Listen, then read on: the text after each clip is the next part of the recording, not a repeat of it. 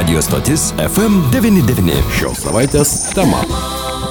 Apie sveikatą. Apie sveikatą ir gyvenimą studijoje prie mikrofono Liudas Ramanauskas. Bendrai iš tikrųjų reikia kalbėti, nes praėjusią parą rekordai. Beveik 9,5 tūkstančio naujų COVID atvejų, 12 žmonių mirė, tai didžiausias iki šiol registruotas paros naujų atvejų skaičius Lietuvoje.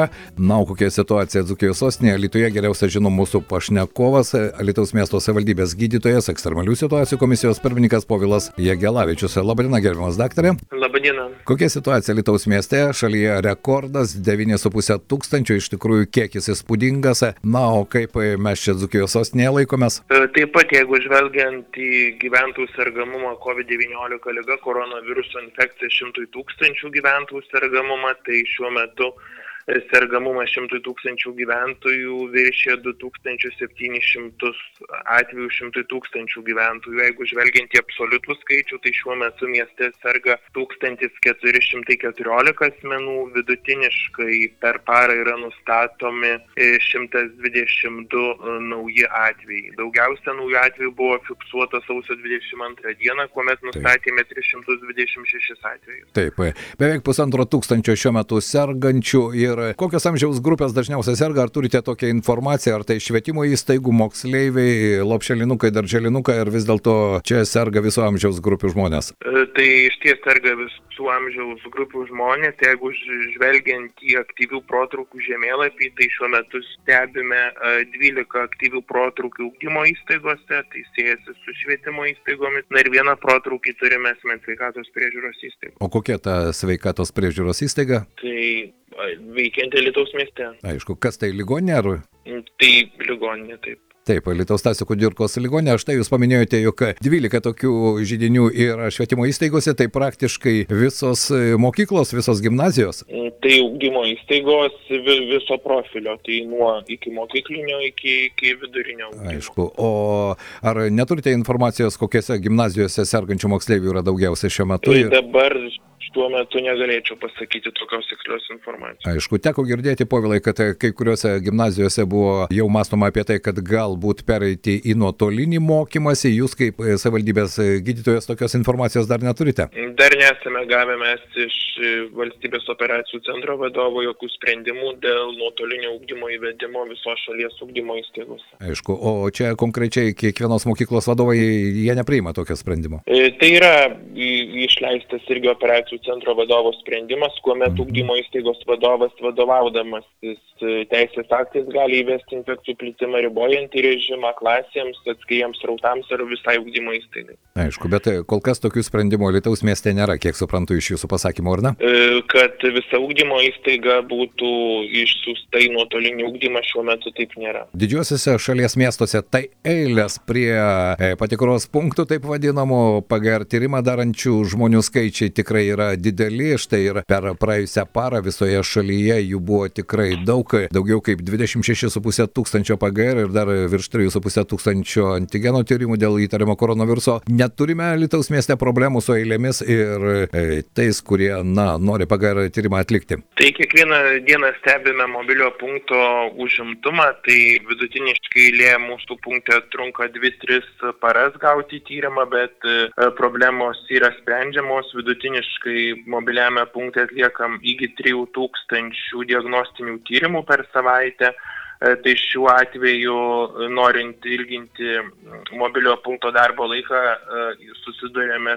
su terpių trūkumu. Tai Aišku. mes dedame visas pastangas, kad būtų, gautumėm daugiau terpių ir galėtumėm prailginti mobilio punkto veikimą, nes be jų mes nu, Taip. negalime atlikti tyrimų. Taip, be jokios abejonės, tai būtų tuščias laukimas, ar net neturint terpių, o štai kalbant vis dėlto apie tą poreikį, jūs jaučiate, kad jis yra iš tikrųjų ir tik terpių trūkumas trukdo prailginti mobilaus punkto darbą. Taip, mes jaučiame poreikį, bet dedame visas pastangas, kad gautumėm pakankamą kiekį terpių ir dar maksimaliai pailgintumėm mobilus punkto veikimą. Galbūt dabar galime priminti, e, kokiomis valandomis mobilus punktas dirba Lietuvos mieste. E, Taip, tai mobilus punktas darbo dienomis dirba nuo 8 ryto iki 20 dienos vakaro, šeštadienį dirba nuo 8 ryto iki 16 valandos popietės, sekmadienį nedirba. Gerbiamas Povilai, jeigu gausite papildomai terpių, vadinasi apie tai irgi gyventojai bus informuoti, ar ne? Ir tada galbūt tas Tai lauk...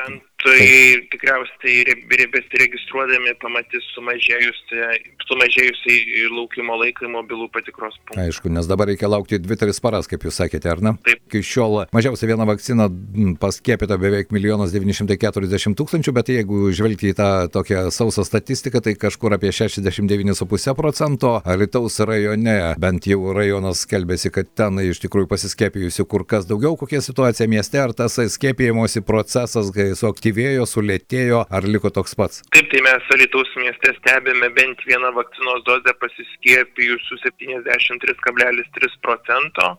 Didelį suaktyvėjimą stebėjome iki naujų metų, dar keletą dienų po naujųjų metų, bet dabar vėl skiepinančių strautai yra sumažėję ir vidutiniškai per dieną paskiepijame 170 gyventojų, nepriklausomai pirmą, antrą ar sustiprinančiąją dozę. Taip, tai skaičius nėra įspūdingas, aš prisimenu, kai pats skiepėjausi trečiąją dozę, tai ten dirbantys žmonės sakė apie 500 į dieną, dabar jūs sakote virš 170, tai na, sumažėjęs. Taip, taip.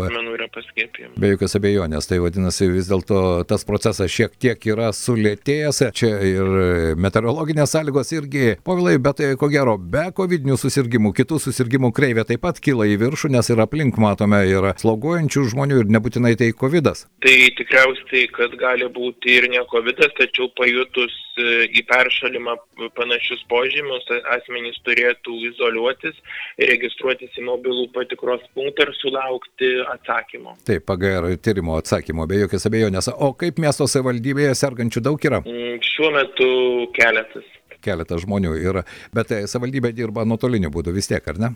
Asmenys pagal administracijos direktorius įsakymą strautuojasi. Aišku. Ir dar vienas klausimas, tai yra nuo pirmadienio įsigaliojo ta tvarka, kad ir sergantis, ypatingai dirbantis tose įmonėse, kuriuose, na, būtina užtikrinti dirbančių žmonių skaičių, jie taip pat gali dirbti, ar tokiu atveju žinote Lietuvos mieste? Taip, tai asmenys, kurie vykdo gyvybiškai svarbias funkcijas ir kuomet trūksta tų asmenų vykdančių šias funkcijas, įstaigos vadovas gali priimti sprendimą, vėlgi atsižvelgdamas į operacijų vadovo sprendimą, kad tie asmenys e, ir sergantis besimptome forma galėtų eiti į darbą. Mano žiniomis dar tokio atvejo Lietuvos mieste nėra taikyta. Da, aišku, dar kol kas tokio nėra, ar ne tokio, tokios priemonės dar netaikomas. Keikime, kad vis dėlto pavasaris nebe už kalnų, žiema persirito į antrąją pusę ir galbūt susirgymų kreivė pradės mažėti, bet sprendžiant iš šios dienos vis dėlto tų rekordinių skaičių. Iš kitos pusės, ko gero, ir jūs žinote informaciją iš Stasio Kudirkos ligoninės. COVID lovų užimtumas visada ten sviruodavo iki 50, situacija nepasikeitė kol kas. E, Šio ryto duomenimis ligoninėje užimtos 29 COVID skirtos lovos iš 70 ir reanimacijoje yra du pacientai iš skirtų 7 lovų. Mhm. Ar tai reiškia, kad vis dėlto ta naujoji vyraujantį omikroną atmaina vis dėlto jį